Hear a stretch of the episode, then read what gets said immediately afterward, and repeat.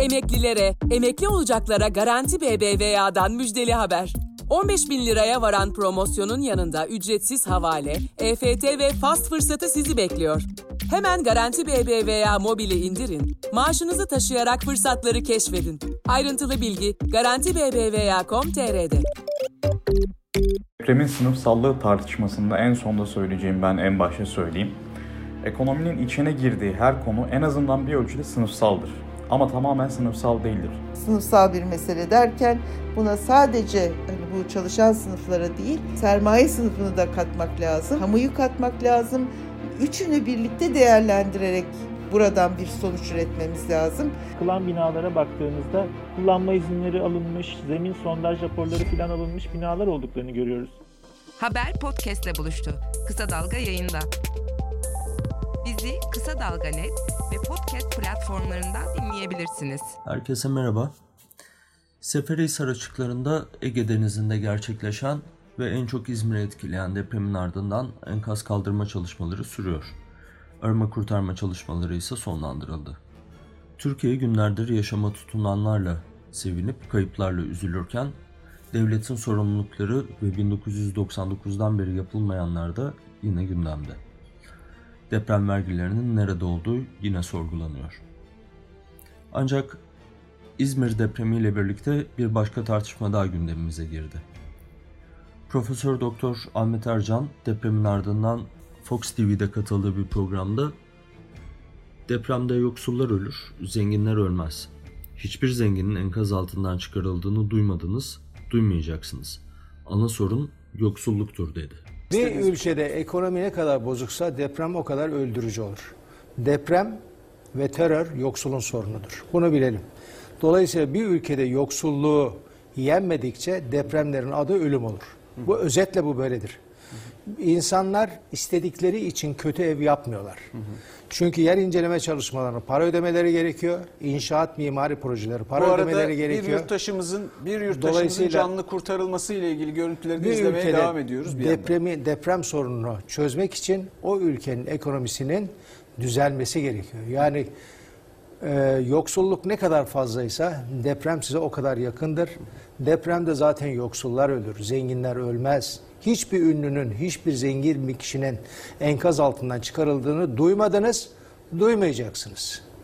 Dolayısıyla ana sorun yoksulluktur. Bu sözlerle birlikte sosyal medyada depremin sonuçları sınıfsal mıdır değil midir tartışmaları başladı. Bu tartışma soruları da beraberinde getirdi.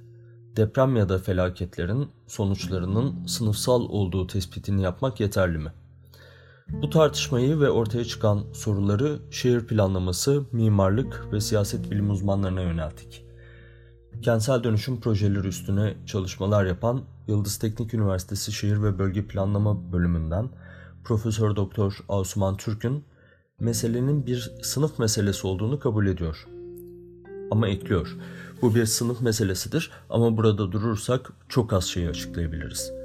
Türk'üne göre sorunu geniş bir çerçeveden açıklamak için üç sac ayağına ayrı ayrı bakmak gerek. Sermaye, emek ve devlet. Rahmet Ercan ana sorun yoksulluktur diyor. Evet yani bunu kimse yatsıyamaz. Evet bu bir sınıf meselesidir. Ama burada durursak e, çok az şeyi açıklayabiliriz. Yani burada bir üçlü sac ayağı üzerinden bu meseleyi tartışmamız lazım. Yani e, sermaye yani özel sektör, devlet yani kamu ve emek diyelim yani çalışan sınıflar. Bu üçlü yapı içinde değerlendirdiğimiz zaman e, daha doğru sonuçlara varacağımızı düşünüyorum. E, ve bu üç e, ayağa da baktığımızda hiçbirinin aslında yekpare olmadığını, e, kendi içinde farklılaşmalar e, bulunduğunu söyleyebiliriz. Hiçbirini tek bir küme olarak da e, açıklayamıyoruz. Sermaye sınıfına baktığımızda dediğimiz gibi bunun içinde de farklılaşmalar var. Yani büyük sermaye var, orta ve küçük sermaye var ve 60'lardan sonra aslında yapsatçı denilen küçük ve orta ölçekli sermayeli müteahhitler kentin dönüşümünde belirleyiciyken yani bu kat mülkiyeti yasasının çıkmasıyla birlikte 80'lerden sonra artık çok daha büyük bir sermayenin devreye girdiğini ve kenti büyük parçalar halinde dönüştürmeye başladığını biliyoruz. Ve e, gayrimenkul yatırım ortaklıkları gibi güçlü e, büyük sermaye oluşumları ortaya çıkıyor. Aynı zamanda TOKİ gibi, e, Kiptaş gibi güçlü kamu kurumları devrede bunu da biliyoruz. Ve bunların kentin pek çok alanında dönüşümlerde belirleyici olduğunu görüyoruz. Son dönemlerde Yine parsel bazında dönüşümlerin yani bir şekilde bu 60'ların yapsatçı süreçlerine benzer süreçlerin ortaya çıktığını görüyoruz. Mesela Kadıköy'de o parsel bazında dönüşümler söz konusu işte Levent gibi yani iki tarafta da e, yani rant değeri yüksek alanlarda bu dönüşümlerin hani müteahhitlerin de ilgi alanına girdiğini ve bu dönüşümlerin yapıldığını görüyoruz. E, ama e, sorun yine son yıllarda yaşadığımız bu da, burada da aşırı sayıda konut üretiliyor, satılamıyor. Özellikle ekonomik kriz döneminde malzeme fiyatları artıyor, müteahhitler iflas ediyor ve aslında herkes mağdur oluyor. Yani Fikirtepe bunun en iyi örneği. Burası gece kondudan dönüşümün yaşandığı bir alan. Çok ciddi imar artışları verilerek müteahhitler buraya çekildi ve oldukça da orta ve büyük e, ölçekli müteahhitler girdiler ama e, biliyorsunuz sürdürülemedi ve herkes mağdur oldu. Burada gece kondu alanında yaşayan insanların bu süreçte yaşadığı mağduriyeti düşünürsek e, bu kişiler hem mülksüzleşmiş oldular hem yoksullaşmış oldular ve bunlar örneğin yine toplumun hani bir dezavantajlı kesimi olarak e, bu e, piyasadaki konutlardan birilerine kiracı olarak girmiş durumdalar ve ne kadar sağlam konutlarda oturuyorlar bilmiyoruz. Yani burada başlıyor süreç zaten. Yani eskinin gece kondu mahallesi bu kadar riskli değilken şimdi hayatları çok daha riskli hale geldi aslında bir düşündüğünüzde. Çalışan sınıfları e, düşündüğümüzde yani emek çerçevesinde düşündüğümüzde e, bu dönüşümde pay ayırarak dahil olabilenler var. Ama bir yandan da hiçbir katkı koyamayacak olanlar var. Ve ayrıca mülk sahibi ve kiracı ayrımı var. Hele e, yoksul bir kiracıysanız hiç şansınız yok.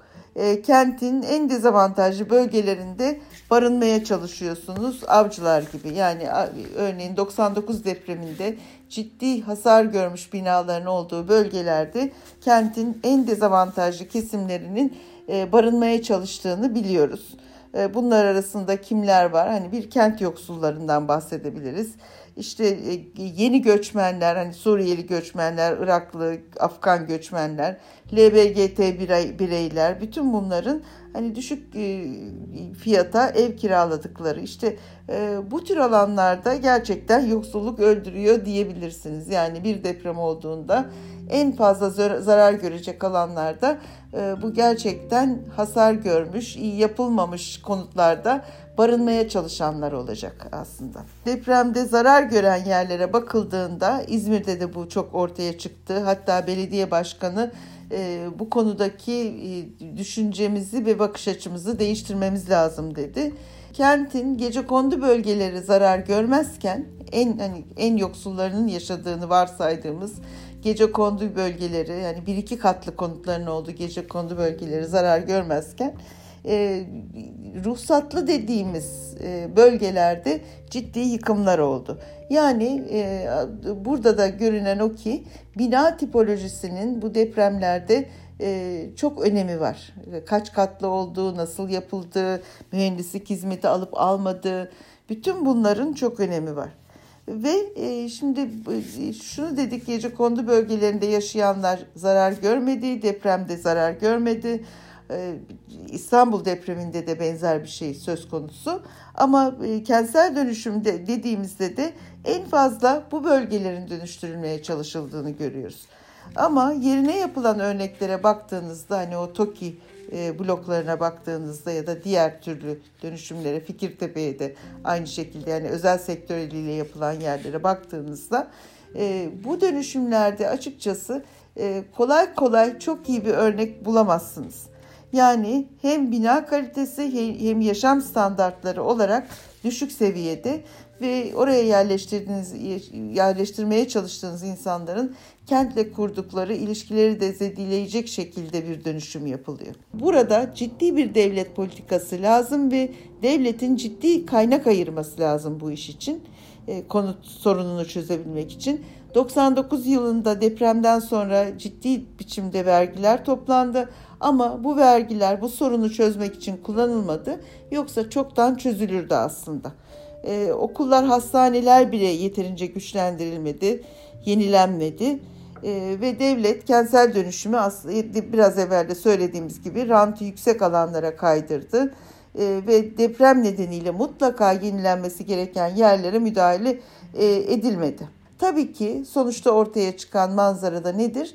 Yani toplumun en dezavantajlı kesimlerinin kesimlerinin çok büyük bir bölümü e, konut kalitesi olarak depreme dayanıksız yerlerde yaşıyorlar. Evet bu çok sınıfsal bir mesele ama bir yandan da e, gerçekten ciddi bir politika eksikliği olduğundan e, söz edebiliriz. Yani sınıfsal bir mesele derken buna sadece hani bu çalışan sınıflara değil e, sermaye sınıfını da katmak lazım. E, çünkü bu iki yani kamuyu katmak lazım. Üçünü birlikte değerlendirerek buradan bir sonuç üretmemiz lazım.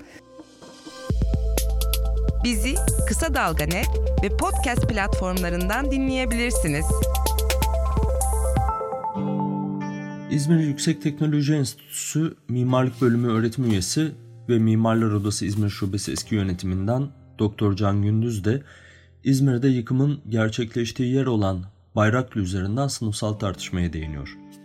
Depremin sonuçlarının sınıfsal olduğuna ilişkin tartışmaların başladığı andan itibaren Bayraklı'da orta, orta üst sınıfın yaşadığına vurgu yapan ve depremin sonuçlarının sadece sınıfsallık üzerinden tartışılamayacağı yönünde çok sayıda paylaşım yapılmıştı.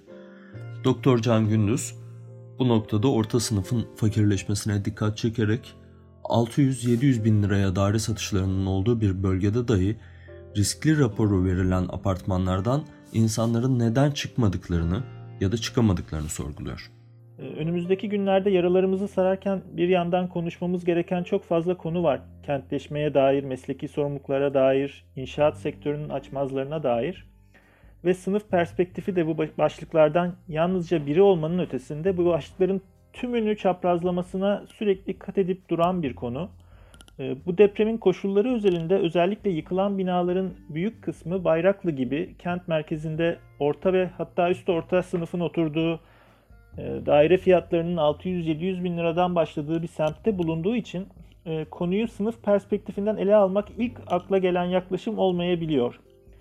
Görebildiğim kadarıyla en çok dile getirilen meseleler bölgenin delta ağzı olması nedeniyle zemin yapısının sorunlu olması, dolayısıyla yerleşim yerinin üst ölçekte planlama ölçeğinde yanlış seçilmiş olması ya da bina özelinde zemin etütlerine yeterli önemin verilmemiş olmasından bahsedenler var.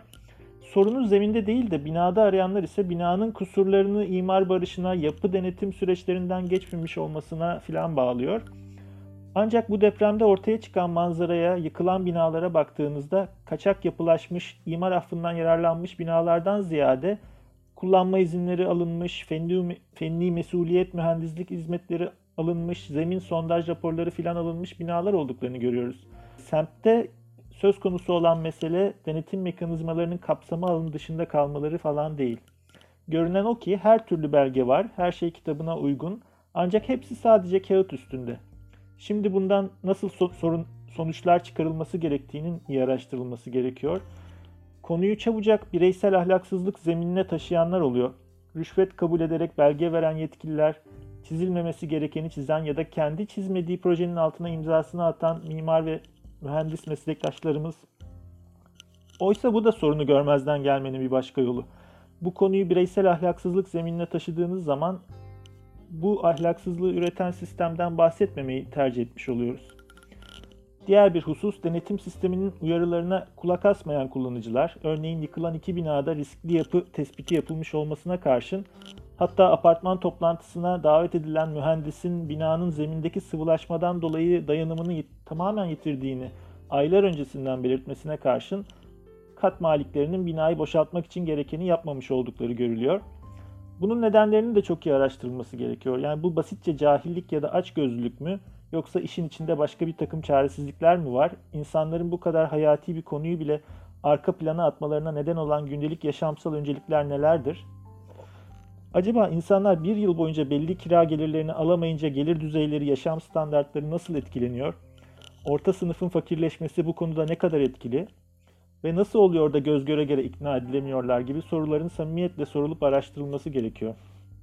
Dolayısıyla depreme ilk bakışta sınıf perspektifinden bakılması çok anlamlı gözükmese de çünkü bu depremin tahribat bölgesi özelinde bariz bir mekansal adaletsizlik manzarası görülmese de meselenin temelinde yatan tüm sorunlar sermaye lehine kurulmuş bir sahtekarlık düzenine çıkıyor ve bu işin içinde meslektaşlarımız da var, otoriteler de var, bu sorundan doğrudan etkilenen insanlar da var maalesef. Konuyu mesleki sorumluluklar açısından konuşurken sermayenin hırsı karşısında örgütsüz kalmış bir işsiz mimar mühendis ordusunun varlığını da göz ardı edersek, bunların çaresizliklerine sırt dönersek konuyu bireysel ahlak tartışması üzerinden götürmek zorunda kalırız ve hep aynı hataları tekrarlamaya devam ederiz diye düşünüyorum. Profesör Doktor Ahmet Ercan'ın depremin sonuçlarının sınıfsal olduğu yönündeki tespitleri Twitter'da tartışılırken bir ismin paylaşımları depremin sonuçları tamamen sınıfsaldır diyen kesimin çok tepkisini çekti. Bu kişi Koç Üniversitesi Siyaset Bilimi doktora öğrencisi Nezih Onur Kuru'ydu. Nezih Onur Kuru paylaşımlarında Bayraklı'da yıkımın gerçekleştiği mahallelerde eğitim seviyesinin yüksek olduğunu, emlak değerlerinin üst seviyelerde olduğunu belirterek olan biten her şeyi sınıfa indirgemek zihinsel tembelliktir demişti ve şu ifadeleri kullanmıştı. Zengin fakir edebiyatı veya sınıfsal analiz yaptığınızda kültürel yozlaşma ve kurumsal çöküntüyü konuşamazsınız. Sadece ekonomi konuşursanız siyaset ve toplumun etkisini en aza indirgersiniz. Rant ekonomisinde sanayileşmeden önce kamusal sivil kültürün oturmayışı temel sebep. Bu işin birinci sorumlusu açgözlü müteahhitler değildir. Kurallara bağlı rasyonel bir yaşam tarzı üretememiş toplumdur. Denetlemeyi bir kenara bırakıp kendi zenginlerini yaratmak için rant alanları açan siyasilerdir. Müteahhitler bu sürecin sonucudur. Asıl sorumluyu görmek lazım. Peki Nezih Onur Kuru deprem ve sınıf tartışmasında olan biten her şeyi sınıfa indirgemek zihinsel tembellik derken neyi kastetti? Kendisinden dinleyelim. Depremin sınıfsallığı tartışmasında en sonda söyleyeceğim ben en başta söyleyeyim. Ekonominin içine girdiği her konu en azından bir ölçüde sınıfsaldır. Ama tamamen sınıfsal değildir. E, tamamen sınıfsal derseniz toplumlara bir kısmı sanayileşmeden yani kapitalizmden önce miras kalan devlet kurumları ve toplumsal normların etkisini yok sayarsınız. E, ayrıca birey düzeyinde kültürel değerlerin ve aktör davranışının etkisini de konuşmazsınız. Yani nitekim deprem en temelde ekonomiden önce bir rasyonel ve kamusal otorite meselesidir yasa koyucu aktörler yani merkezi ve yerel otorite rasyonel kurallar ve denetleme mekanizmalarıyla bu sonucu engelleyemedikleri için Türkiye gibi deprem ülkesinde Türkiye gibi bir deprem ülkesine doğrudan ve birinci dereceli sorumludurlar. Yani siz burada e, mesele zengin yoksul derseniz işte bu depremlerde zenginler ölmüyor derseniz ilk öncesi ve siyasal iktidarı doğrudan hedef almazsanız bu ezberle bu konu tartışılır. Ben e, siyasal iktidarın bu konuda hedef alınması gerektiğini ve artık e, toplumda rasyonel bir talebin canlanması gerektiğini düşünüyorum. E, ben 17 Ağustos depremini Avcılar'da yaşadığım için ve halen av, ailem Avcılar'da bulunduğu için durumu yakinen gözlemliyorum. Bir adım geriden bakarsak bu işin birinci sorumlusu kesinlikle açgözlü müteahhitler değil. Evet müteahhitler açgözlü ve bu işe sorumlu ama birinci sorumlu değiller denetlemeyi bir kenara bırakıp kendi zenginliği yaratan ve rant alanları açan siyasiler buna yerel siyasetçiler de dahil yani AK Parti, CHP fark etmeden ve kurallara bağlı rasyonel bir yaşam tarzı üretememiş toplum. Yani devlet, toplum bir bütün olarak bu rasyonelliğe ulaşamıyoruz. Ve müteahhitler bu işin bir sonucu. Asıl sorumluyu bence burada görmek gerekiyor. Yani avcılar, bayraklı gibi aslında Avcılar 1999'dan önce öyle değildi. Alt sınıf olmayan, ort, orta üst ve üst sınıfın yaşadığı pek çok ilçede yıkılan binaların gece konduğu veya dar gelirli kişilerin yaşadığı binalardan ziyade cadde üzeri binalar olduğunu biliyoruz. Bu binalarda daha çok yeni iş yeri ve daire alanlarının yani rant için kolonların kesildiği ve kamunun hem kamunun hem de toplumun bunlara ses çıkarmadığı da herkesin bildiği bir gerçek. Bununla birlikte e, Türkiye'de sınıf analizi yoksullukla karıştırılıyor. Yani orta sınıf yok sayılıyor ve yoksul tanım çok geniş tutuluyor. Orta sınıfında son dönemde yoksullaşmasıyla birlikte zengin yoksul ikili üzerinden orta sınıfı yok sayan siyah beyaz bir yaklaşım söz konusu. Bu yaklaşımla beraber bir yandan sınıf analizinin teorik değeri düşüyor. Çünkü siz her şeyi alt sınıfa sokuyorsunuz, yoksullara dahil ediyorsunuz. Ee, diğer yandan sınıfsal çatışma ve ortaklıkların yanı sıra diğer etkenler olan kültürel yozlaşma ve kurumsal çöküntüyü konuşamıyorsunuz. Ee, Türkiye'de yoksul tanımı çok geniş yapılıyor. Tanım bu kadar geniş tutulunca her şey yoksulluğun içine giriyor. Ve böyle olunca her şey ekonomik gibi görünüyor. Yani siz siyaseti de bir bakıma göz ardı ediyorsunuz. Emlak ve eğitim değerleri e, gelir düzeylerini tahmin etmek için başlıca kullanılan e, değişkenler. Son 10 yılda eğitimin gelir üzerindeki pozitif etkisi azalsa da Bayraklı gibi nüfusun yarısının 40 yaş üzerinde bulunduğu bu iki mahallede e, önceki kuşaklar için eğitim ve emlak değerleri hala ayırt edici parametreler.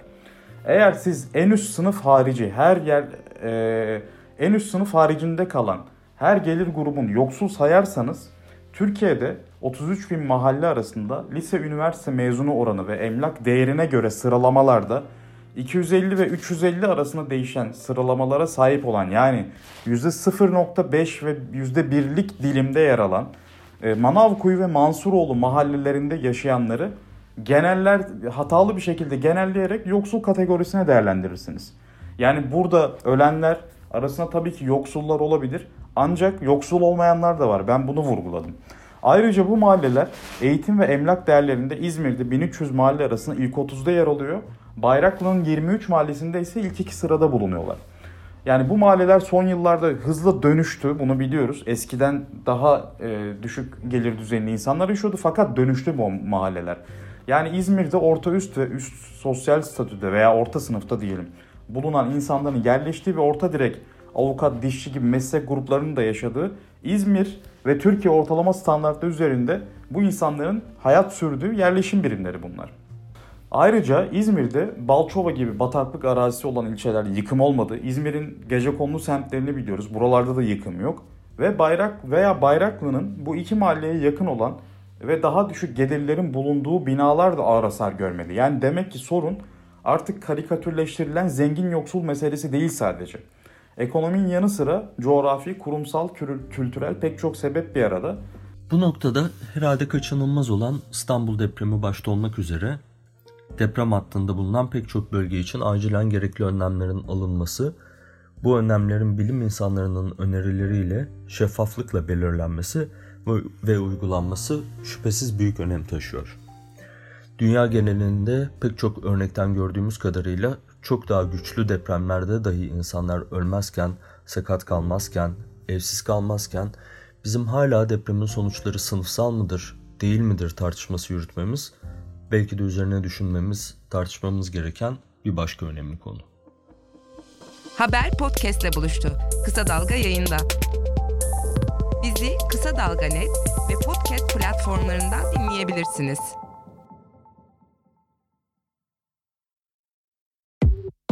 Emeklilere, emekli olacaklara Garanti BBVA'dan müjdeli haber.